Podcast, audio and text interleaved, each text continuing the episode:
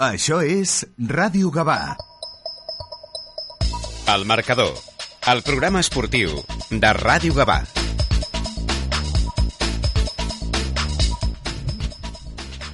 Bona tarda, benvinguts a una nova edició del Marcador, el programa esportiu de Ràdio Gavà, que com sempre us acosta la informació esportiva que ens ha deixat el cap de setmana. Un cap de setmana en el qual els dos equips de la ciutat han aconseguit eh, puntuar la segona catalana.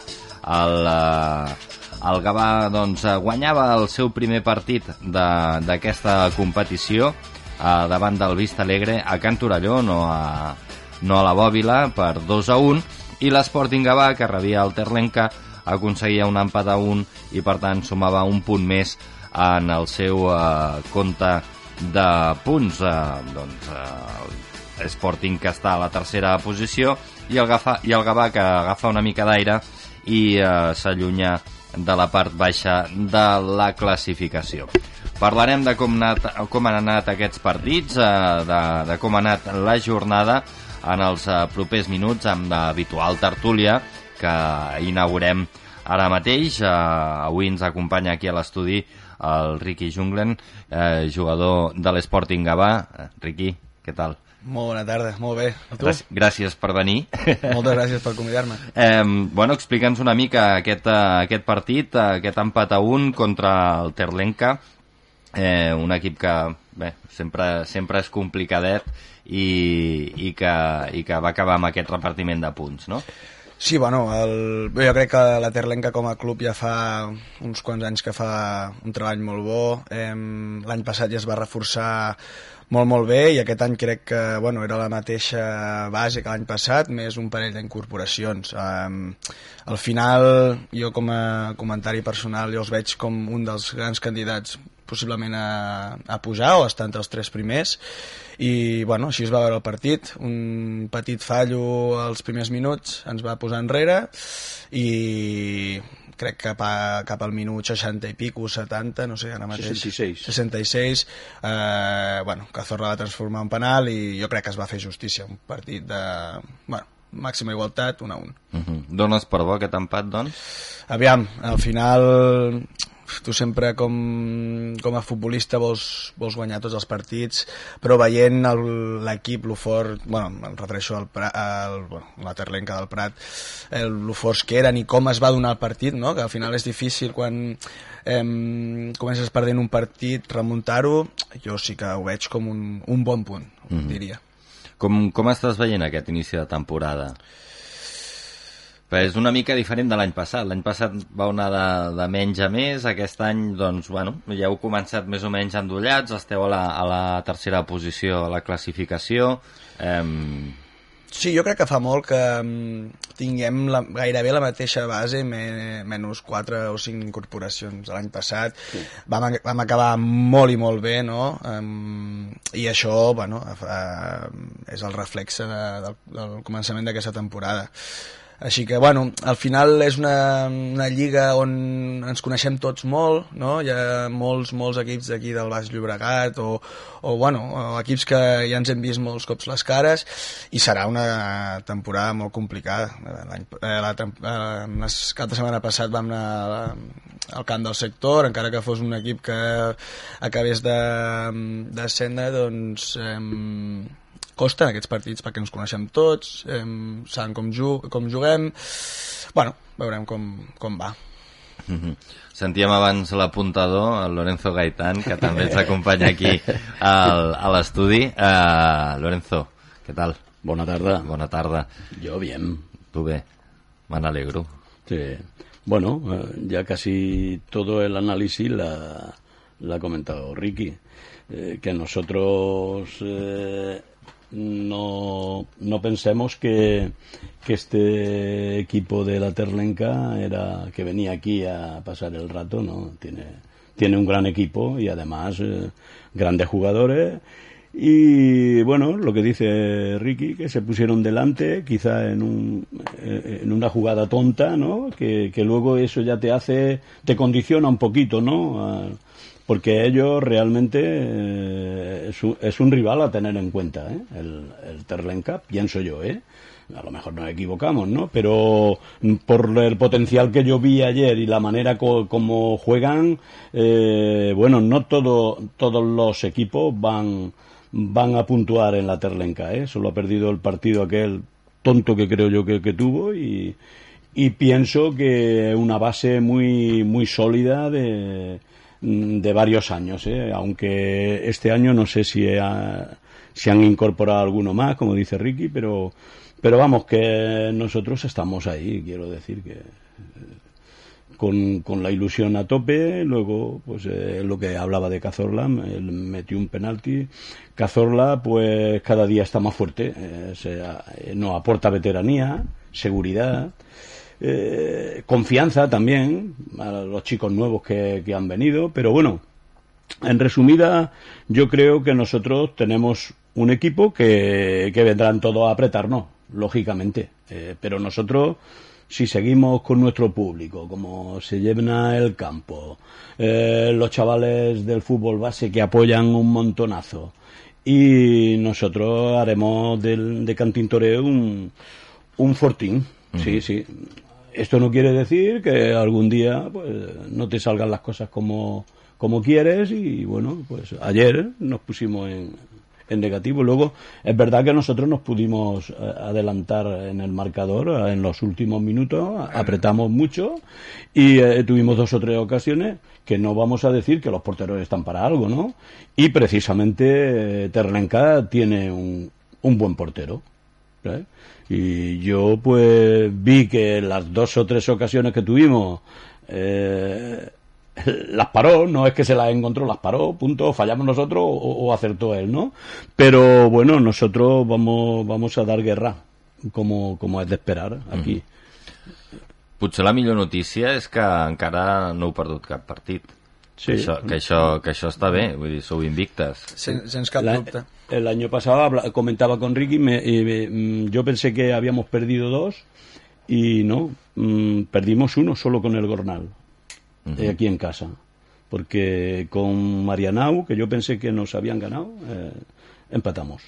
Entonces, bueno, eh, la dijéramos la proyección que, que llevamos es, la que hay un equipo ya consolidado que solo hemos incorporado pues esto cinco cinco fichajes Mm, tenemos la base prácticamente del año pasado, solo hace falta es que, nos venga el gol, que, acertemos eh, en la portería, porque eh, a nivel de en, líneas estamos bien, casi en toda.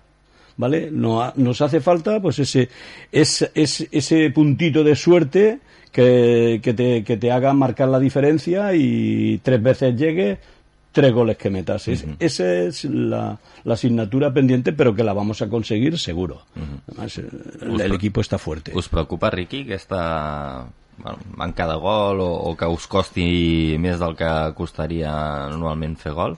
No, perquè jo crec que això hi ha alguns equips que als principis de temporada els hi pot arribar a passar no? Em, jo crec que som un equip també que produeix moltes ocasions, ocasions de gol i al final, eh, si tu ho intentes, acaba entrant. És qüestió d'entrar en aquesta roda. Llavors, mm. mira, eh, i just abans has preguntat, eh, per almenys no, no heu perdut no, cap partit, i jo crec que això és la clau, no? Perquè si fas ocasions, no les fiques, i tot i així puntues, mm, significa que vas en un molt bon camí, que és el que, bueno, ara mateix a títol personal crec que estem fent. Uh mhm. -huh. Deixem que saludi l'Isaac Fandos, que deu tenir pobra l'orella ja fregida, amb el telèfon tota l'estona enganxat a l'orella i sense, sense deixar-lo parlar. Isaac, bona tarda. El tenim o, o s'ha cansat ja de... Isaac... Perdó, ara m'escolteu? Ara sí, ara sí. que tenia, per no molestar, perquè com estic al camp, tenia posat el silenci del mòbil mm. i no m'havia donat ara quan estava parlant. Molt bé. Que, bueno, mm, estaven comentat una mica aquest, aquest empat de, de l'Sporting a, a un contra el Terlenca. Uh, no sé si el vas veure, no el vas veure, si... No el vaig poder veure perquè evidentment era a la mateixa hora que el Gavà, que, uh -huh. que va ser el partit que, que vaig anar a veure, però bueno, una mica en la línia del que parlava, jo crec que el Terrenca és un dels equips més durs de la categoria. Mm, jo pensava, ja ho vam dir aquí a la prèvia, que l'Sporting se'n sortiria amb els 3 punts, més que res, perquè a casa de Can Tintor és molt difícil guanyar, però bueno, eh, crec que, com, com han dit el Lorenzo i el Riqui, doncs pel que diuen també va haver-hi oportunitats a la segona meitat per remuntar aquell primer gol del Terlenca i, i bueno, segurament un partit igualat entre dos equips que, que acabaran de ben segur a la part de la classificació. Uh -huh. um, comentàvem també el, el fet aquest important no? de, de no perdre de, de, portem ja quatre jornades eh, dos victòries, dos empats eh, bueno, mm, bons números Sí, i tant, important no perdre. Jo sobretot crec que en aquesta categoria tot el que sigui anar puntuant és important. Especialment, com, com és obvi, fora de casa doncs un empat és un millor resultat que a casa, però jo crec que tot el que no sigui perdre i anar puntuant és, és bo en aquesta categoria, perquè al final no són categories en les que els primers classificats tinguin la sensació que se'n marxin amb molts punts de diferència, sinó que crec que al final serà tot eh, força igualat i que qui guanyi i els que facin promoció i tot, crec que seran equips que s'hauran deixat punts pel camí. Mm -hmm. em... Ara parlàvem de l'Sporting i el Gavà que va aconseguir la seva primera victòria trencant una mica el malefici de, de Can Torelló. Bueno, eh, crec que efecte Serrano, no? Primer partit que s'asseu a la banqueta i, i no sé si és l'efecte de veritat, com deia, mig en conya, mig en sèrio al principi, però sí que crec que va ser important per l'equip tenir la, la figura del seu entrenador, que no va poder estar, eh, com ja sabeu, al dia de l'Afluent, on ja es va treure, crec, un bon resultat allà, amb aquell 3 a 3 que, que va poder ser una victòria, si no fos per un penal a l'últim minut. I, i bueno, jo crec que el partit de l'altre dia refrenda moltes de les coses que veníem parlant que l'equip necessitava, sobretot a partir de, d'una millor solidesa defensiva i crec que és el punt de partida per anar, per anar creixent. Mm -hmm. ja, de fet, el, el Gavà, gràcies a aquest resultat, ha sortit eh, de, la, de la zona de descens, ara està a la dotzena posició, i, i veiem si, si aquesta progressió es, es, es consolida, no? Sí, i tant, a veure si sobretot aquesta setmana que dona la casualitat que per calendari el Gavà té dos partits de casa li pot donar possibilitat a aquesta primera victòria i bueno, el que veníem parlant també una mica en la línia de les darreres setmanes i sobretot crec que s'intensificarà encara més amb l'arribada de, de Serrano a la banqueta crec que el Gavà té, com ja sabeu, un equip molt jove, això no ho crec, això és una obvietat però sí que crec que és un dels equips que planteja un dels millors futbols de la categoria. L'altre dia, estones a la primera part, es va jugar molt bon futbol i a les darreres jornades, de fet, fins i tot quan estava Jorge també a la banqueta, era un equip molt propositiu i que crec que a nivell de futbol d'associatiu, de, de tenir pilota, de conceptes, quan l'equip ataca és un equip molt valent, molt ric en opcions i que tot i la seva joventut crec que si aconsegueix donar una passa endavant en aquesta solidesa defensiva que sí que va tenir l'últim dia, serà un equip important a la categoria. Mm -hmm. eh, tens llibreta? Tinc una llibreta, sí. Molt bé, molt bé. doncs, escolta'm, tens la, la pàgina oberta pel, per aquest uh, Gavà Vista Alegre? La tinc oberta per aquest Gavà Vista Alegre. Doncs, quan vulguis, uh, endavant.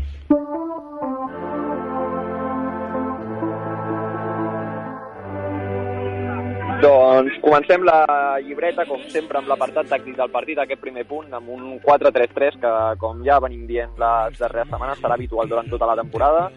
Ens haurem de plantejar si canviem aquest primer punt de la llibreta, que sempre és parlar una mica de l'esquema tàctic, perquè em sembla que serà així durant, durant tota la temporada, però ja que darrerament ha sigut... Sempre hem parlat del primer punt de, de l'esquema tàctic, ho deixarem així durant almenys les properes setmanes. El segon punt, doncs, la, la pressió de l'equip. Ja ho parlàvem la darrera setmana, que l'equip s'ordena amb un 4-4-2 sense pilota, un 4-4-2 molt valent, amb un dels interiors saltant sobre el central rival, intentant que llancin moltes pilotes, i crec que aquí el Gavà va estar molt millor que les, eh, en les anteriors jornades. Eh, li havien creat molt de perill en joc directe i en canvi aquesta setmana va saber controlar molt bé un Naufal, que sempre és un jugador complicat en, aquesta, en aquest tipus de, de jugades i crec que l'equip va fer una passa endavant a nivell, a nivell defensiu. El tercer punt, doncs, la, la bona sortida de pilota. Ja dèiem la setmana passada que havíem de parlar una mica del paper dels interiors. Jo crec que Alexis i Gerard aquesta setmana van fer un molt bon partit. Mm, Serrano li agraden els interiors mòbils, que la, en el moment que surti la pilota un apareixi perquè l'altre vagi darrere de la línia de migcampistes. Mm, crec que anirem veient molta riquesa tàctica en aquest sentit i les figures dels interiors han de ser dos jugadors molt importants en, en aquest sentit perquè l'equip pugui créixer, sobretot a nivell ofensiu. La segona i el quart punt, doncs, una primera part on, on penso que el Gavà va ser molt superior. És veritat que se'n va marxar només amb 1-0 al marcador, però va tenir pràcticament ell només totes les ocasions i va haver-hi dos tres oportunitats molt clares per haver marcat el, el 2-0 i haver marxat amb una miqueta més de diferència en, en el marcador. Crec que el Gavà va tenir estones de gran futbol, sobretot un futbol mm, molt bonic, potser no tan efectiu, però que si aconsegueix traduir aquesta bellesa del, del futbol que practica amb efectivitat, acabarà donant molts rèdits. I el cinquè punt, doncs, mm, ho he lligat una mica amb, amb dues eh, parts. Eh, la millora defensiva de l'equip, que ja ho he apuntat eh, lleugerament abans, crec que l'equip va fer una passa a nivell de, defensiu, sobretot amb, amb, aquesta, amb aquesta defensa de, de la pilota llarga, on havia patit molt les darreres setmanes, i especialment amb el saber patir dels darrers minuts. Quan tu vens de setmanes complicades en els que t'empaten, sobretot la setmana passada, a l'últim minut, és difícil quan marques el 2-1 que no et generin moltes ocasions, i crec que el ho va aconseguir, va saber aturar el joc del Vista Alegre i no li van crear oportunitats després del 2-1.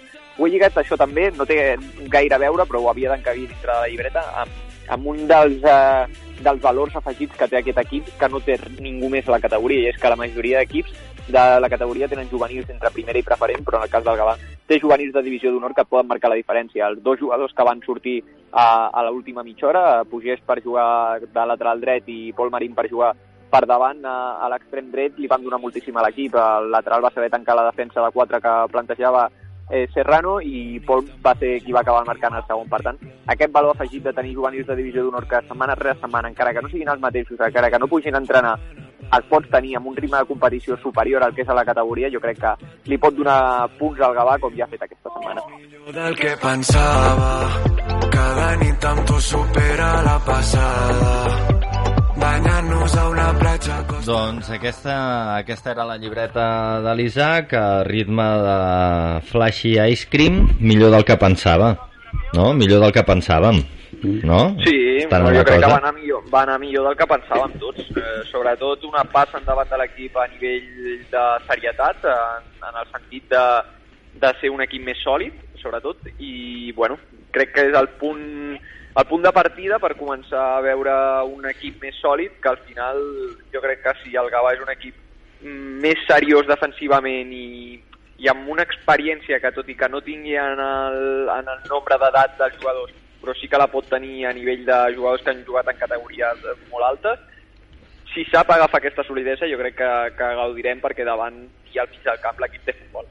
Uh -huh.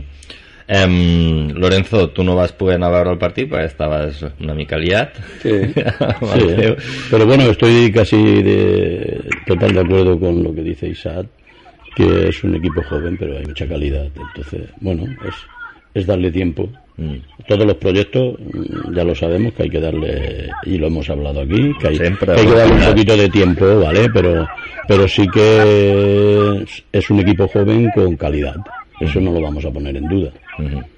A partir de ahí, pues eh, es jugar, jugar, confianza, que entre la bola, porque son muchos factores los que lo- los que implica eh, eh, eh, en estar ahí arriba, ¿no? Son muchos. Pero bueno, yo creo que sí, que, que el análisis que ha hecho estoy con él.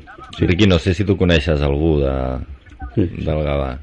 Sí, Difí sí. Difícil no conèixer. Eh, sí, bueno, tot i que són molt joves, conec a, a Pacheco, el porter. Mhm. eh, vam coincidir fa dos anys, i a part això és un gran amic meu. Eh, bueno, és el que ha dit l'Isaac. Jo crec que bueno, cap equip d'aquesta categoria té un juvenil a la divisió honor. El que sí que també s'ha de dir que en aquestes categories mm, un punt de, de veterania sí que dona, eh, dona molt. I llavors ja veurem com, com es desenvolupa ara aquest equip sense Jorge amb, amb Serrano. Eh, I res, porta dos partits, quatre punts, de moment un bon balanç. Uh -huh. no, a, veure, a veure com va. Sí, I, I el que comentaves, no?, de la veterania, en el vostre cas, el més Sí. veterà és a Cazorla, que, que, que comentaves abans Lo que pasa es que tenemos, que tenemos nosotros, no- me parece que es mitad y mitad, ¿no? Yo creo que hay más juventud, pero también hay veteranía que eh, en momentos que hay que tirar, como se suele decir, del carro, hay varios que están ahí, que, que la veteranía, porque te, te vas a encontrar en estas categorías, te vas a encontrar a muchos, a muchos equipos que, que tienen muchos veteranos. Y entonces, eh, te puedo poner el, ejemplo de Levante Las Planas. Levante Las Planas ha hecho un equipo mm, con bastante veteranía. Va a ser difícil ganar allí un equipo que sea joven por, por mucha calidad que tenga. Sí, la calidad eh, eh, a veces puede declinar eh, un partido, ¿no? Pero la veteranía es lo que dice Ricky. Si, si compagina veteranía y, y juventud, pues yo creo que el- la, la mezcla perfecta, creo, ¿eh? Uh -huh. Algun veterà en tenim, no, Isaac? Algun veterà en tenim, algun veterà en tenim, el que passa és que en tenim dos o tres. Dos o tres que conec. Sí, Ortega, Ortega, por ejemplo. Ortega, sí. Ortega, que encara no ha pogut debutar. sí, sí. I el capità, com eh, El capità. aquest- d'aquest fitness? Sí. El... Sí, sí. Ah, no surt el nom. Bueno, Ernest. L'Ernest, exacte. Er- Ernest Ujú. estuvo con nosotros una temporada, creo. Mm. Mm. Bueno, jo crec que el que parlàveu de la veterania, al final, perquè molts cops, és que hi ha molts tòpics en el món del futbol, i d'aquest potser és el de la veterania, al final, si tu poses a pensar, la veterania que et dona o, o per què et fa guanyar, jo crec que el més important a nivell de, de la veterania en el futbol és sobretot un, un aspecte emocional, de gestió d'emocions. Al final, tu quan has jugat molts partits, doncs tens un bagatge emocional més gran que un jugador que, que no ha jugat tants. Per tant, tu saps en segons quines situacions com emocionalment has de- d'afrontar això. Mm. Què vull dir? Que si tu en el minut 85 et poses 2-1, doncs si tens un equip amb molta experiència que ja ha viscut molts partits en els que s'ha posat 2-1 en el minut 85 i els ha sapigut tancar, no és el mateix que un equip que n'ha viscut 3 d'aquest tipus de partits. Per tant, jo crec que sobretot és, és un tema de gestió d'emocions i tenir veterans en aquest sentit sempre, sempre és important. Després també podríem parlar una mica de la gestió de grup, que també és important tenir, tenir gent veterana que, que, sirvi, que serveixi de referent a la resta de jugadors, però sobretot jo crec que el més important a nivell de que es pugui traduir en els partits és el tema de la gestió d'emocions, on el Gavà, evidentment, té molt marge de millora, no per un tema de que siguin dolents, sinó per un tema de que per la seva curta edat doncs s'han afrontat a, a pocs reptes en el món del futbol amateur. Mm -hmm.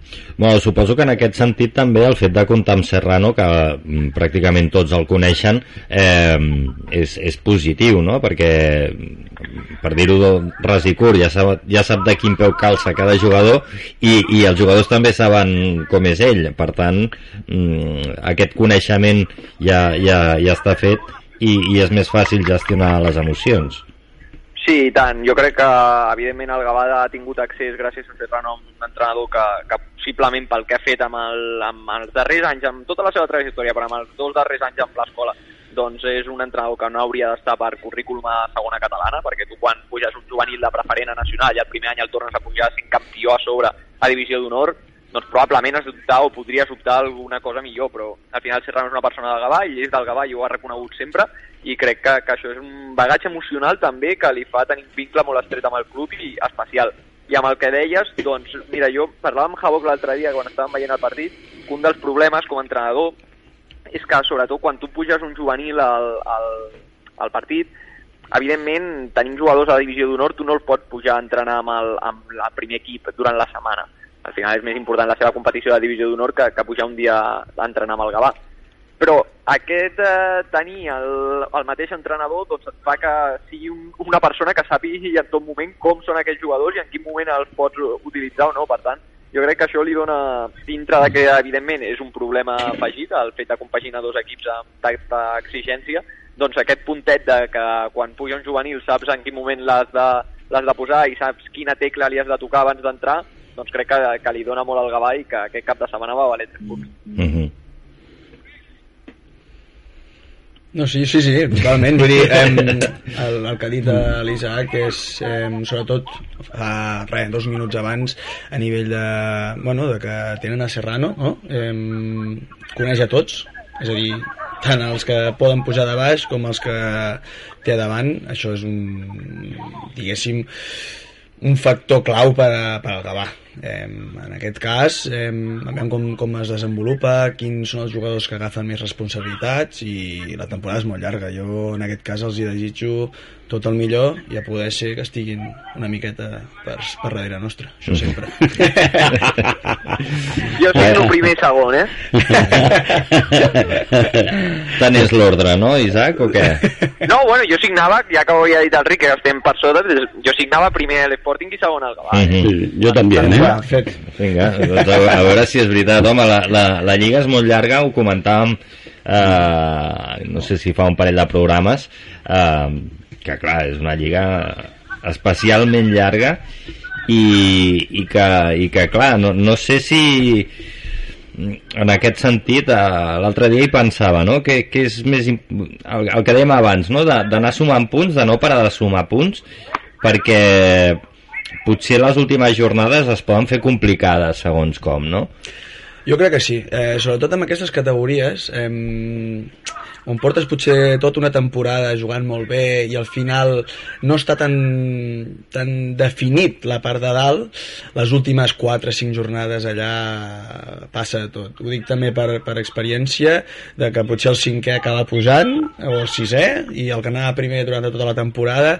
Llavors el que més es premiarà són les dinàmiques. El que tingui dinàmiques positives més llargues a la llarga també serà, jo crec, el, el candidat a estar entre els tres primers. Mm. Sí, perquè sempre hi ha, hi ha moments de la temporada o és estrany que no hi hagi 3, 4 partits que t'agafi una, una pajara que, que... Sí. I sobretot amb aquestes temporades tan llargues, no, Mhm. no és com l'any passat, no? que no, no et donava temps, és a dir, eren dos temporades amb una, i allà era, si falles un moment, eh, ja estàs fora. Llevábamos el cohete. Sí, sí, sí. Però sí. el cohete, sí, desde, Sí, desde enero. de- de- sí, desde el primer partido prácticamente. Vale. Sí, porque eh, si perdías, ya todo lo que tenías que, que jugar ya lo habías jugado. Entonces, esto a nosotros nos motivó bastante, este, este sistema, a nosotros nos motivó al menos el año pasado. ¿vale? Ahora, lo que él dice, este año con tantos partidos puede puede haber de todo puede puedes ver que los que están ahora aquí aquí abajo Pluguén, Sector, Molins poco a poco estén ahí y te estén echando el aliento detrás de la oreja. ¿vale? Eh, con, con ligas así tan tan largas eh, claro que es lo que él dice si va sumando va sumando llega un momento que eh, el aliento te lo van a echar un poquito desde lejos ¿no? ¿vale? y bueno yo creo que esa va a ser la dinámica de este año creo yo vamos Isaac, tu com ho veus, això de... Mira, jo crec que amb això que parlàveu hi ha un factor clau amb el tema del Gavà sobretot, que ara el desconec, però tinc la sensació que pot ser important, i és eh, que, si no vaig equivocat, normalment la divisió d'honor juvenil acaba força abans que la resta de lligues. Ara no sé exactament quan. L'abril, si ha diríeu, un- així. Sí, si hi ha un factor bastant a favor el fet de que durant tota la temporada, ho hem dit abans, o ho remarcava el Riqui també, de que tu al final, amb tots els respectes per tots els equips, però no és el mateix uh, l'Sporting que pugui pujar un jugador, un jugador de juvenil primera, que jo els he vist partits al, al juvenil de l'Sporting, tenen dos o tres jugadors interessants que podrien donar el nivell, però al final és molt difícil que et pugin al nivell que tens a la categoria, el Gavà quan treu un juvenil se li ha de reconèixer que juga a un altre ritme de competició. Ahir es va veure, els dos canvis són dos jugadors que tenen un altre ritme de competició. Divisió d'honor juvenil és molt exigent, sí. és més exigent que segona catalana, no passa res per dir-ho. I jo crec que en aquest sentit... Sí, perdó, que m'estaven... Un segon. Sí, sí. Ara m'escolteu? Sí, sí, tant. És que tenia, és que tenia un altre... M'estaven trucant per un altre cantó i m'he liat, hi havia massa botons a l'iPhone. Eh, el que deia, que al final serà important, perquè si durant tota la temporada tu t'estàs pujant, molt entre cometes, els que no juguen amb el juvenil A o els que no han jugat aquella setmana amb el juvenil A, si les darreres jornades acaba abans, és que fins i tot et pujaràs els tios que han estat importants al juvenil A de divisió d'honor. I jo crec que això pot ser un salt de qualitat molt important si les 4 o 5 jornades últimes pots comptar amb 3-4 jugadors que estiguin al divisió d'honor i que a sobre siguin jugadors importants. Per tant, per aquí pot ser, pot ser important també. Mhm. Sí, sí. Eh, Ben vist, això. Sí, sí, no, sí, sí. No, no ho havíem pensat, eh? No sé si a les darreres jornades hi ha algun tema de que no et pots pujar tots els que vulguis, no ho sé exactament, eh, que potser hi ha algun tema de reglamentació per aquí que se'ns escapa. Va, però només en que te'n pugis un parell o tres, segons com, et poden Bueno, de donar... fet, de fet, ahir canvien el, canvien el partit, sobretot, eh, bueno, canvien el partit els dos. La Sí. veritat és que l'Ernest estava fent un molt bon partit a nivell defensiu, però crec que ja, doncs, evidentment, un jugador veterà, doncs, potser podia patir més quan el Vistalegre va fer un canvi precisament a l'esquerra per intentar encarar-li, i el, el jugador que va entrar de lateral dret, a Pugés, va fer un molt bon partit i és que el, a l'extrem el Pol va marcar el gol, el gol de la victòria, per tant, és que van canviar el partit, realment. Mhm. Sí. Va, anirem, anirem veient eh, els juvenils que van pujant i, i com va evolucionant la cosa. Voleu que repassem els resultats de la jornada? Anem-hi? Vinga, doncs, anem a repassar els resultats d'aquesta quarta jornada de segona catalana.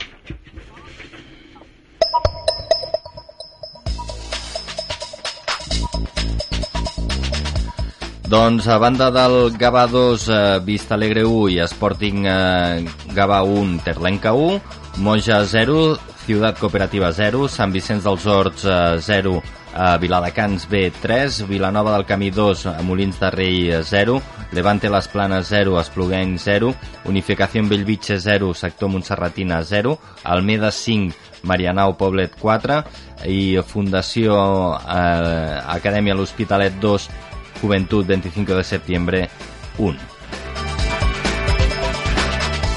Uh, la classificació l'encapçala la Ciutat Cooperativa amb 10 punts, seguit de l'Almeda també amb 10 punts, el Sporting Gavà és uh, tercer amb 8 punts, quart el Viladecans B amb 7 punts, uh, cinquè el Fundació Acadèmia l'Hospitalet amb 7 punts també, i també amb 7 punts és sisè el Levante Les Planes, el, el Marianao és setè amb 6 punts, uh, vuitè Unificació Bellvitge amb 5, també amb 5 el Terlenca a la novena posició, Vilanova del Camí també amb 5 desè i el Moja també amb 5 punts és 11è.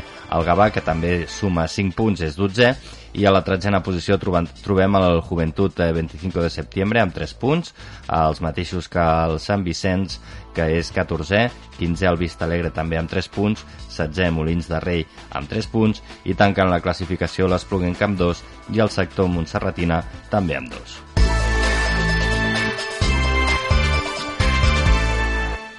Algun resultat que us hagi cridat especialment l'atenció? Molts empats, no?, aquest, aquesta setmana?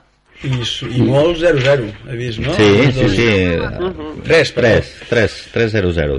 Sí, sobretot el, el partit aquest de l'Almeda contra, contra el Marianao, no? Jo vaig mirar eh, l'acte a la primera part i no sé si anaven, res, 1-2 o 2-1, alguna així, i va acabar, doncs, sent un partit de tennis, quasi. Així que, bueno, sorpresos. 5-4, és un partido emocionante, ver nueve goles. Per l'espectador segur. Sí, no, sí, sé, sí. no sé si pels Sí, entrenadors sí, no tant. Luego el otro que remarco un poquito yo podría ser el Viladecans, ¿eh? Mm. El Viladecans está haciendo, al menos los partidos, yo fui a ver precisamente al Gabá, que podía haber ganado tranquilamente el Gabá. Pero luego la reacción que tuvieron los últimos minutos, eh, el Viladecans Y con uno menos. Sí, sí, casi, ca- casi, casi toda la segunda parte. Sí, sí, sí, sí. Entonces, bueno, el Viladecán también tendremos que tenerlo en cuenta. No es Este fin de porque, semana. no es porque juguemos nosotros. Bueno. Este, este fin de semana lo tendremos más en cuenta, pero bueno, que, que, que visto lo visto, mm, pues puede que esté ahí. ¿vale? Tu, Isaac? Res, bueno, si voleu, jo ja que estic aquí al sector, us comento el partit del sector també, que ja que està al mateix grup, que pel que, pel que m'han dit, bueno, seguim, seguim amb zero gols, però, bueno, es veu que va haver-hi, jo no vaig poder ser-hi perquè em coincidia també amb el meu partit, però va haver-hi moltes ocasions i, bueno, és un tema de dinàmiques, jo crec que el sector crec que és un equip amb molt de gol, que la temporada passada em sembla que només el Palafrugell va marcar més gol en, en, tots el, en tot el futbol català, des de la primera categoria de futbol català fins a quarta catalana, i va marcar 130 i alguna em sembla, i ara porta quatre jornades seguides sense marcar un gol. Bueno, crec que són coses de dinàmiques, l'altre dia va tenir moltes oportunitats, pel que em diuen, que jo no ho he pogut veure, va haver-hi un gol a l'últim minut que la pilota va botar dins i, i no, no li van donar, però bueno, ja, ja se sap que quan estàs amb aquesta dinàmica negativa ni amb aquestes marques gol, per tant, bueno, jo crec que confiança i crec que a poc a poc sortiran, Sí. si segueixen sobretot treballant així defensivament. Mhm. Que van marcar massa gols la temporada passada, no se'n van guardar per aquesta i malament, tio. Bueno, es que la, Bueno, va a la- la salir- va a categoría salir es un poquito más Sí. superior, ¿eh? Sí, sí. Però crec que, crec que signen marcar la meitat de gols, eh? De 130 i alguna passar a 60 i alguna signarien, eh? Sí, sí, segur, segur, home. 60 i pico gols eh, No, és que 60 i pico gols... nosaltres, tots a els segona catalana em sembla que el signa qualsevol, eh? bueno, eh, proper partit, eh, el Gavà torna a jugar a casa contra el Levante Las Planes eh, i ja ho comentava el Lorenzo, eh, que, que l'Sporting, res, creua la, la Riera i se'n va, se'n va cap a Viladecans. Viladecans, sí. Pot ser el partit amb menys distància entre els dos camps de la segona catalana? No ho sé, eh, hauríem de, a treure, un hauríem, hauríem de treure el metro i... Antes era la bóvila, ahora Canturelló, pues pu- pu- Sí, però- podría, podría ser, ¿eh? Jo- jo crec que està més a Podria prop. que- És que jo crec que està més a prop Viladecans que la Bòbila. Sí. Més a prop, Vila... Bueno, Viladecans està més a prop que la Bòbila. No, no, sí, però el camp, sí, el el camp, camp, el el, el camp, mm, Està a 10 minuts, eh? sí.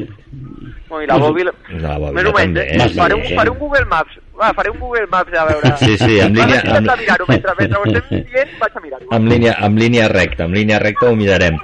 Eh, va, ho comentàveu, no?, eh, en el vostre cas, que visiteu el camp del, del filial del Viladecans. Eh, no, mm, a tenir en compte, no? sobretot, vull dir un altre equip que porta molts anys eh, jugant junts l'any passat crec que va ser bueno, l'any passat pugen i fa dos anys van estar res, vull dir, a tocar-ho. No sé si va ser l'última jornada o la... sí, sí, o dues jornades abans que van perdre un partit o empatar i allà ja no van tenir cap tipus d'oportunitat. Però, bueno eh, la feina ben feta i sobretot un, un grup molt unit ha fet que estigui a segona catalana eh, merescudament. Eh, el, els tenim just a darrere nostra això significa que estan, estan Estan un molt bon nivell sí, sí.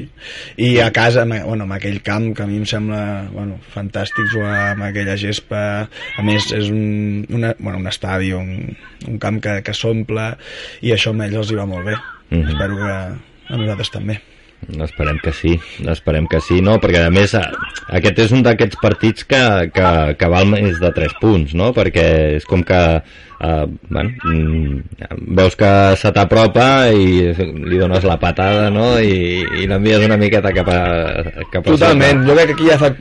inclús tres factors, però en, en diré dos, és a dir... Et pots dir els tres, o, eh? Bueno, és, és, és un equip eh, que just acaba de descendre, és un equip que el tens just a darrere, i el tercer factor eh, és que és un derbi. Eh, Caramba. és un derbi, molta gent... Bueno, és que ens coneixem tots, al final és el que t'he dit. Eh, mm, hem jugat tots amb tots o contra tots.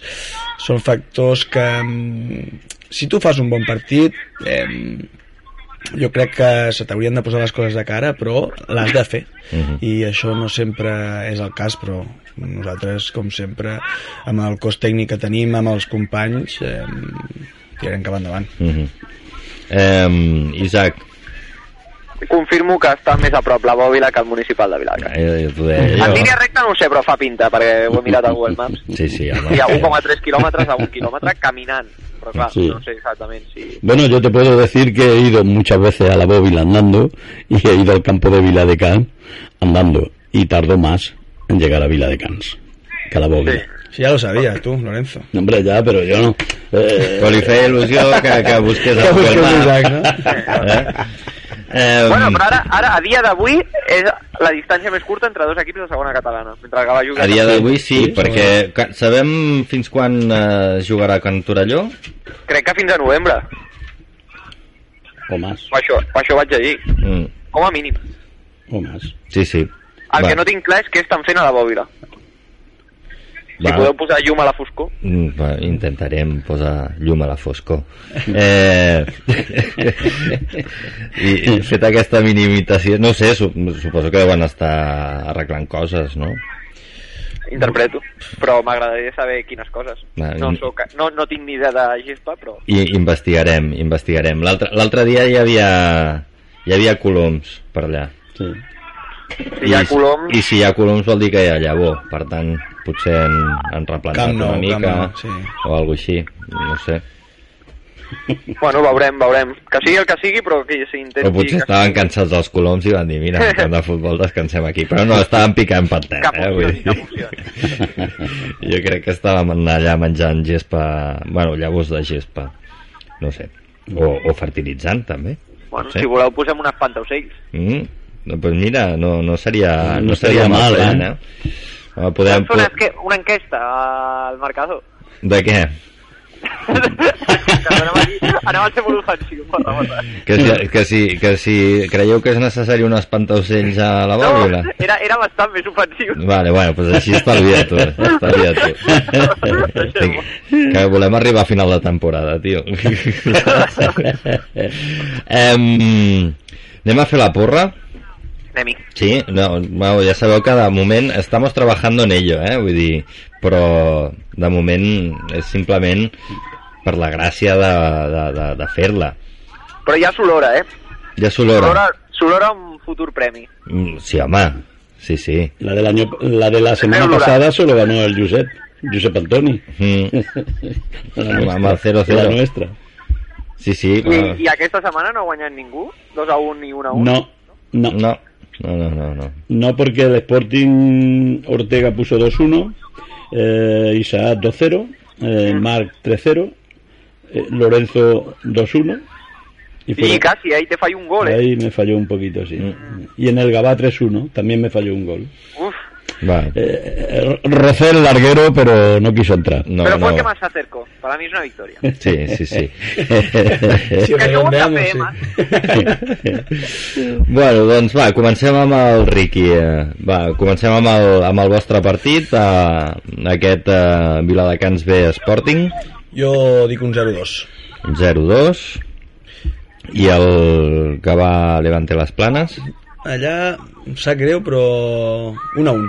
1-1. Jo crec que el Levante les Planes és un molt bon equip. Eh, llavors, bueno, per això aposto cap a un 1-1. Perfecte. Eh, Lorenzo, Yo voy a seguir mi línea. Eh, mm, yo no voy a decir 0-2 porque ya lo ha dicho Ricky, pero 1-2 sí que voy a decir. 1-2, i el Gavà, Al Gabá, pues eh, voy a confiar un poquito eh, en, en mi intuición y voy a decir un 3-1. 3-1. Isaac, Jo reclamo sobretot que cada setmana es llegeixi els resultats que vam dir la setmana anterior per destapar enganyadors del futbol com jo que diem que sabem i no en sabem. vale. Eh, eh, i, dit això, I dit aquesta prèvia, eh, dic que el Gavà, dic que l'Sporting guanyarà 1 a 2 a Viladecans. Uh -huh. Repeteixes el resultat del, del Lorenzo, eh? Sí, sí, sí, és que me l'ha tret.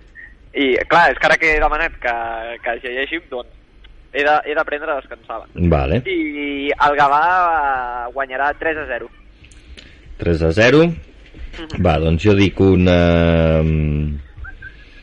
Mm, jo dic un 0-1 pel Viladecans Sporting i un 2-0 pel Gavà Levante. Però ja està, no tenim. Ara a veure si en sabem o no la setmana vinent. Més ens val que els equips de Gavà vagin fent bona temporada, perquè si no, no, no, no, no encertarem ni un. No, no, no, no, bé, ja saps que nosaltres sempre som de optimistes de mena, saps? I, i bueno, bàsicament que ens agrada molt. Aunque que- este año no vamos haciendo la, la, la anti... El anti el, Correcto. No, no, no, l'antiporra la farem... això- La antiporra Només no. en moments molt delicats. Sí, que quan has de recórrer el que faci falta. Clar, no, no, no, és, és com la carta Vélez de la seva època del Força Barça, que només podies uh, jugar-te-la en moments molt puntuals. Clar, si no, perd, perd valor. Clar, perd eficàcia, després ja no funciona, això és... és... Només les últimes 5 jornades i si t'estàs jugant pujar o baixar, si no, Exacte. s'ha de guardar. Exacte, o en moments puntuals, allò que, que estiguis en un moment de crisi i Sí, tal. també, també, per trencar-ho. per trencar dinàmiques i, i aquestes coses. tírate un farol. También. Sí, també, podria sí, ser. també, també. I, i això, vull dir... I a veure, deixa'm mirar, perquè quants dies queden? Mm, mm, mm, mm. Ja queda poquet, eh? Estem en mes de derbi, ja. Sí. Tres És més, partidos. ah, és veritat, Tres, és a finals d'aquest mes, no? Mm. partidos. Sí, sí. Queda... És el dia 29. Nosotros nos queda el Viladecans, eh, la Cope y el próximo. Sí, sí. Tres. D'aquí tres partits, el quart serà... Sí, sí. Tres jornades ja. Tres jornadas. Sí, Sí, sí, serà- derbi. serà el derbi. Ese sí que es derbi. Derbi, derbi. Derbi. Sí, Sí, sí. sí. sí, És sí. l'únic derbi, no? Sí. Que hi ha. No hi ha dos equips de, del mateix poble. Mm, Sí, sí. Eh, Mon- Cope Marianao Y Ah, Monserrati. no, és veritat. i Montserratina Viladecans. Monserratina. Hòstia, és veritat, cony. Anda, que jo dic que és l'únic... Eh, ostres, ha. és- Quin paio. Està al camp del sector, eh? sí, sí, sí, sí. Tinc el míster aquí a 100 metres i m'arriba escoltant massa. Ah, pensava que anaves a dir "I s'ha- girat i, i, m'ha mirat. Perquè no ho he escoltat, que si no em penja del campanar. Bueno, bueno. Doncs, escolta'm, veurem si, si, si aquests resultats, que com tots són positius, esperem que, que algun d'ells ja doncs, l'encertem. Que aceptemos. I, i, i res. Eh, Isaac, gràcies per, per atendre'ns. A vosaltres, com sempre. Ens retrobem la setmana vinent. Espero que amb dues victòries. Esperem que sí. Mm. Esperem que sí. I Lorenzo, gràcies a tu també per venir. Gracias a vosotros. Vale. Mhm. I, I com no, al Riqui Junglen, eh, gràcies per venir Moltes gràcies per, per convidar-me. i esperem que tingueu molta sort, que, que aquesta bona dinàmica que heu, que heu iniciat aquesta temporada doncs es mantingui i, i endavant. Sobretot ho intentarem, això no queda en dubte. Molt bé. Doncs res, nosaltres el que farem serà una breu pausa publicitària i tornem de seguida per parlar d'handbol, però en aquesta ocasió femení.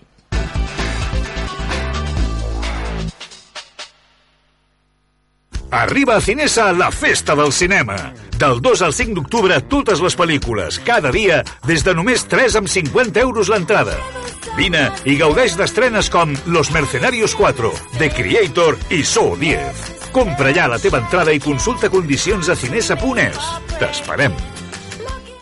A Instituts Odontològics, la tardor arriba amb un 20% de descompte en odontologia general per a tothom. Vine amb els teus i entra en el sorteig d'un viatge màgic per a dos adults i dos infants. Demana cita ja a ioa.es o trucant al 900 131 002. Instituts Odontològics, perquè quan estàs bé, somrius. A Gavà ens pots trobar a la Rambla de Maria Casa 78.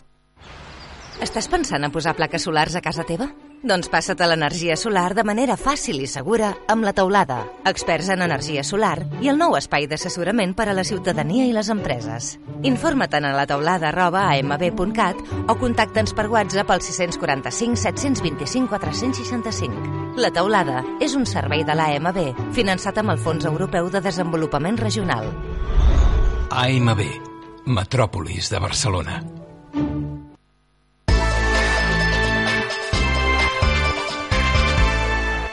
Doncs ja tornem a ser aquí després d'aquesta breu pausa publicitària i, i res, el, el que farem ara serà parlar d'handbol femení, eh, de com està anant aquest inici de temporada del club d'handbol Gavà a la divisió d'honor femenina plata, el grup C, on aquest cap de setmana doncs, van, eh, van caure derrotades per la mínima, per 29 a 30, eh, però que doncs, eh, les gabanenques intenten eh, començar a puntuar en, en aquesta sempre complicada eh, divisió, divisió de plata. Per parlar de tot plegat tenim l'Aritz Moreno, que és entrenador del Club d'Handbol Gavà. Aquí saludem. Aritz, eh, bona tarda. Bona tarda. Bé, eh, de moment la victòria encara no ha arribat, però sembla que la cosa s'acosta, no? Sí, bueno, el primer volia agrair que, que ens rebeu i que doneu visibilitat a, a l'esport femení, i en aquest cas a l'handbol, Uh -huh. i per aquesta part estic molt agraït. Bé, nosaltres I- eh, encantats. I bueno, sí, és veritat que està sent un inici complicat perquè bueno, l'equip és, hi ha moltes novetats i són set jugadores noves que l'any passat no jugaven en aquesta categoria i encara ens estem ajuntant i conjuntant per jugar en equip, però és veritat que aquest partit ja les sensacions van ser bastant diferents i, i sembla que anem amb millors sensacions. Uh -huh. Sí, perquè és una categoria molt complicada, aquesta de, de la divisió de plata. Vull dir, clar, no, no, no hem d'oblidar que és de les màximes categories de l'handbol eh, de l'Estat. Sí, sí, sí, és veritat que el nivell és alt cada vegada més i cada vegada està més complicat eh, guanyar partits en aquesta categoria i, i això, o sigui, el nivell, la veritat que és, que és alt i aquest any a més la gent que ha pujat ha pujat amb molt de nivell, ha baixat gent de divisió d'honor i també estan al nostre grup i està sent un, una lliga molt competitiva. Uh -huh. Eh, Explica'ns una miqueta eh, aquest, eh, la pretemporada. No sé, la, la, es queixava l'altre dia eh, l'entrenador del masculí de que, de que bé, mm, havia començat molt aviat, que, que clar, combinar-ho amb les vacances de la gent és complicat, que potser haguéssiu, haguessin preferit ella, ells eh, començar a l'octubre, per exemple. Eh, clar, això és un hàndicap, no? Quan, sobretot quan, quan tot i que estàs en una categoria molt competitiva a nivell estatal, però, mm, clar, no, no, no deixa de ser eh, gent que no es dedica professionalment al 100% a això. Sí, o sigui, és veritat que hem començat molt aviat i és veritat que la pretemporada ha sigut justeta i hem fet un mes, eh, però bueno, les condicions o les regles de joc són per tothom les mateixes i tant com nosaltres com els altres equips que la majoria no són professionals i són semiprofessionals, doncs sí que, sí que també tenen les mateixes regles de joc i al final estem competint contra gent que està en importants condicions. Llavors, a nivell d'això no, no tinc queixes. És veritat que van pactar fer començar un mes abans, o sigui, van fer dues setmanes abans d'aquest mes preparar, preparar la força i la van preparar elles i sí, no van haver d'estar uh, venint a, al pavelló, i, però sí que van fer un mes de pretemporada i bueno, dins del que cap ha anat bé la pretemporada van poder fer un estatge a Pamplona i és veritat que això no s'ha servit molt a l'hora de conjuntar peces, però encara bueno, estem començant. Uh -huh. eh, comentaves set, eh, set noves incorporacions, eh, totes de la casa, venen de fora. Explica'ns una mica com, com heu confeccionat aquesta plantilla. Sí, no, són quatre són de fora, eh, dos de la casa i una que va marxar fora eh, i ha tornat ara una altra vegada a Gavà, que ella era de Gavà i viu a Gavà i bueno, aquestes quatre només han sigut per suplir les quatre que vam tenir de baixes de, que van marxar altres equips. Uh -huh. Um, L'objectiu que us heu marcat, eh, suposo que aquestes primeres jornades és, és eh, construir l'equip i, i que comencin a sortir les coses, no? Sí, sí, bueno, al final l'objectiu és la permanència i, i no deixa de ser una carrera de fons. Sabem que aquest any baixa un equip i, i bueno, al final hem d'intentar acabar, no acabar les últimes per no, per no baixar i bueno, al final això és molt llarg, és veritat que no ens ha tocat un inici fàcil perquè el primer partit és contra un rival molt igualat i al final el primer partit amb els nervis és una moneda a l'aire i no saps com, com cabrà. I les quatre següents jornades són equips que, que són de la part alta i que aspiren a altres coses que no aspirem nosaltres. I després ja en teoria vindran els equips que, amb els que haurem de competir de tu a tu. Tot i això, Mataró, que és l'equip que l'any passat va quedar quart, el vam tenir contra les cordes i, i vam estar a punt de, de pescar punts, però en moment donat no vam tenir l'encert que havíem de tenir i això no es va fer perdre el partit però i va ser una pena, però bueno, estem al nivell i, i, i això, estem arrencant encara. És una mm. carrera de fons. Mm -hmm. Clar, suposo que, que aquí l'experiència, tenir experiència també és important, no? I, i saber una mica com jugar en, en aquests moments eh, finals del partit quan, quan veus que, que bé, una mica d'encert o falta d'encert et pot condemnar. Sí, sí, sí, és veritat que contra Mataró, bueno, la primera part vam anar a remolc, la segona part vam mostrar un joc molt millor i, i vam estar bastant igualat, però no les vam poder empatar en cap moment i al minut 52 de partit anàvem 26-27 en contra i vam tenir inclús quatre ocasions per empatar el partit i no vam saber posar-les i ens vam fer un parcial de 2-0 i ja en el 26-29 va ser molt difícil remuntar tot i això vam tenir una oportunitat d'empatar i, i no la vam aprofitar. Llavors eh, l'equip d'ells, que al final és el mateix equip que l'any passat amb un parell d'incorporacions noves que li donen un plus, eh, bueno, és un equip consolidat, que es coneixen de fa anys i això a l'hora de jugar els últims minuts i, i la pilota calenta, doncs es nota. Mm -hmm. Comentaves abans que, que ara ja començareu a jugar contra, contra les vostres rivals. Qui són les vostres rivals? No, eh, encara no, encara, encara, encara falten no. dues jornades que en teoria han d'estar dalt.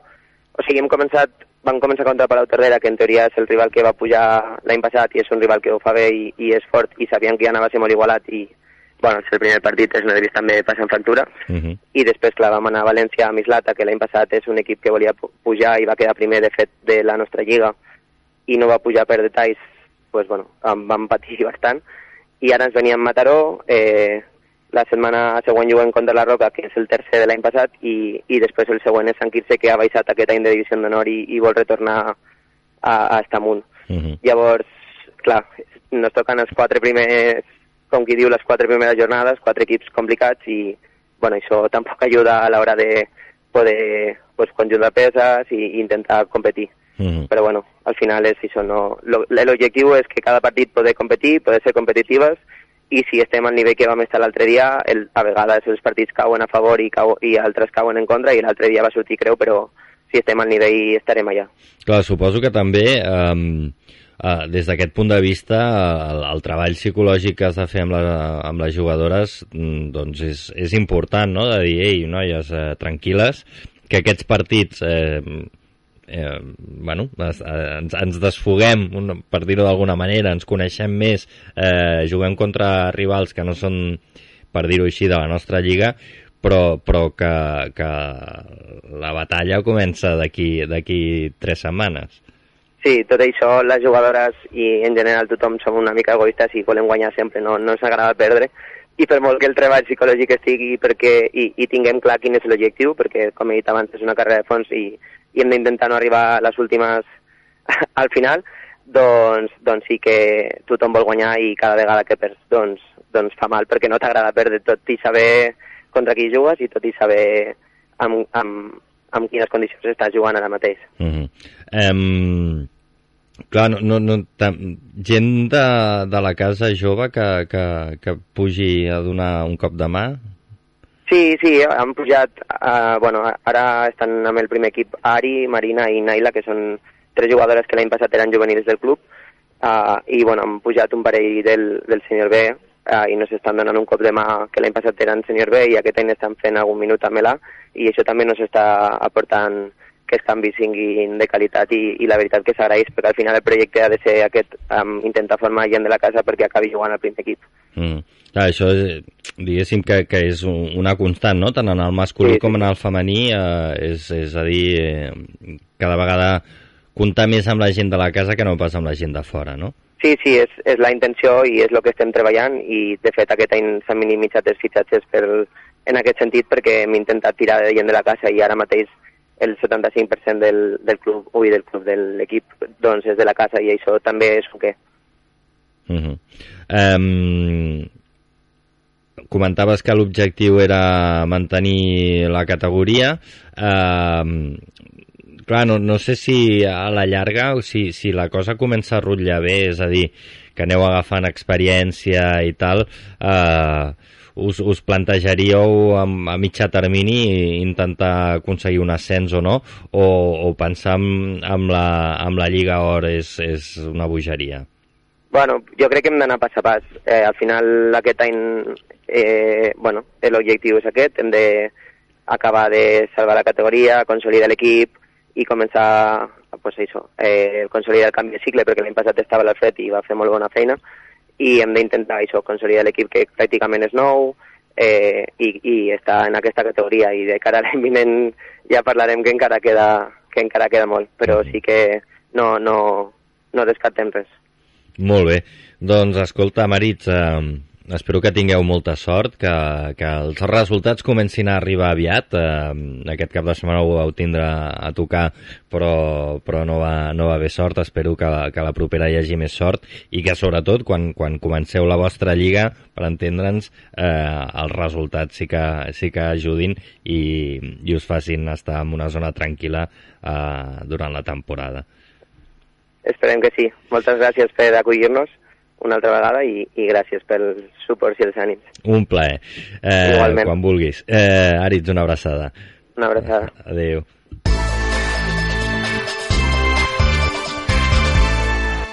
Doncs eren les paraules de l'entrenador de l'equip femení sènior del club d'handbol Gavà, l'Aritz Moreno, eh, que ens deia doncs, això, que, que la seva lliga comença d'aquí un parell de setmanetes, però mm, si poden esgarrapar algun punt eh, en el trajecte, doncs eh, tampoc està, està de més. Anem a repassar la resta de resultats poliesportius eh, que ens ha deixat aquest cap de setmana. En futbol, a la quarta catalana, el grup 23, Esparreguera B, eh, 0, Sporting Gavà B, 3. A la divisió d'honor catalana de futbol veterà, la Bètica 2, Gavà 3 i Los Molinos 1, Torrelles 0.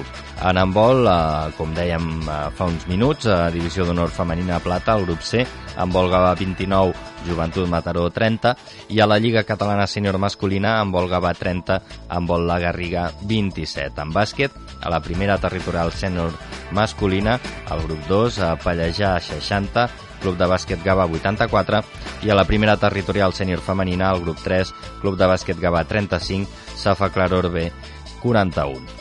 I acabem amb vòlei, a la primera divisió catalana femenina, el grup A, Club de Vòlei Gavà 3, Ametlla Groc 0. Doncs, doncs ara sí, arribem al final del programa. Moltes gràcies per la vostra atenció. Gràcies també al Josep, More al Josep Antoni Moreno, que ha estat a la producció, al Carles Cianes, que ha estat als controls tècnics, i com deia, a tots vosaltres que ens heu escoltat durant, durant aquesta estona. Nosaltres ens retrobem, si tot va bé, dilluns de la setmana vinent, com sempre, a dos quarts de vespre. Fins aleshores, que vagi molt bé. Adéu-siau.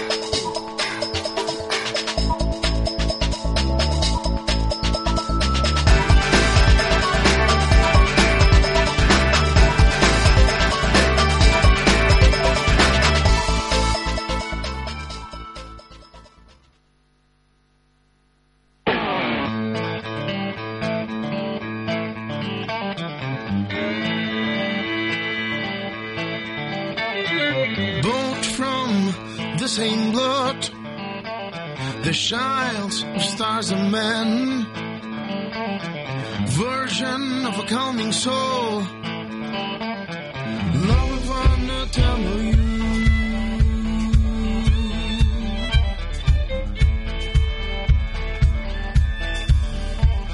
She only needs the dark. He wants break down the calm. Why is she singing to the stars? He grants the life of light.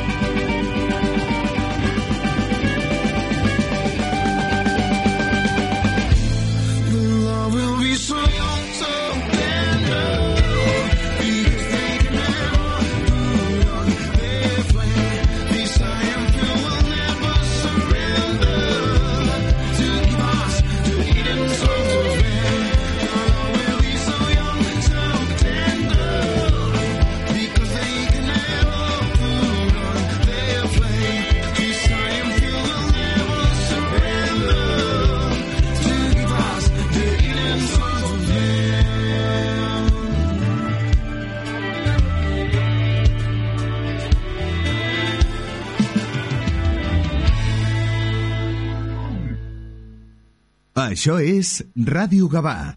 Arriba a Cinesa la festa del cinema.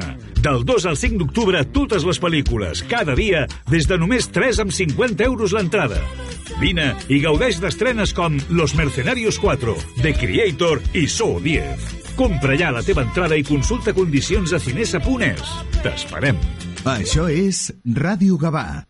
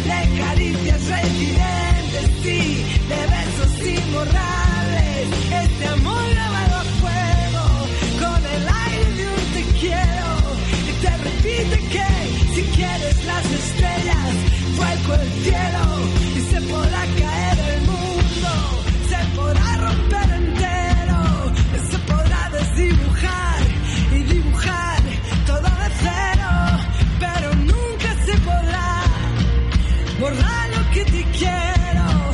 Y el diablo con sus celos, ni el mismo Dios del cielo cae detrás del aguacero.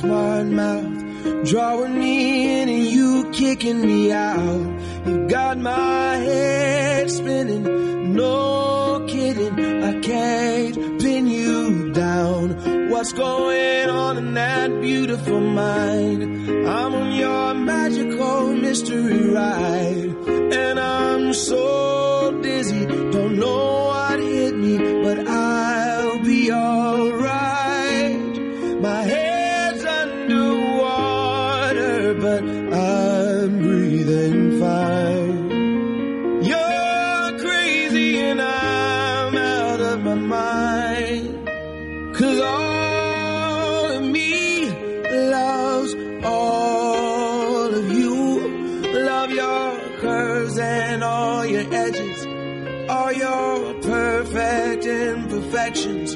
Give your all to me. I give my all to you. You're my end and my beginning. Even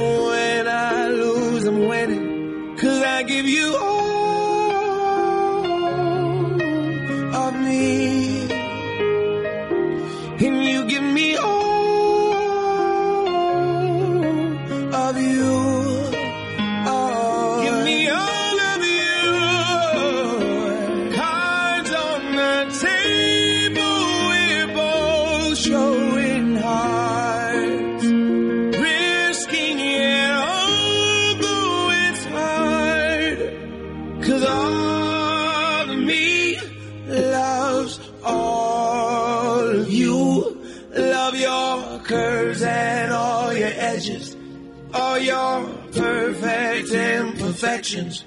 Give your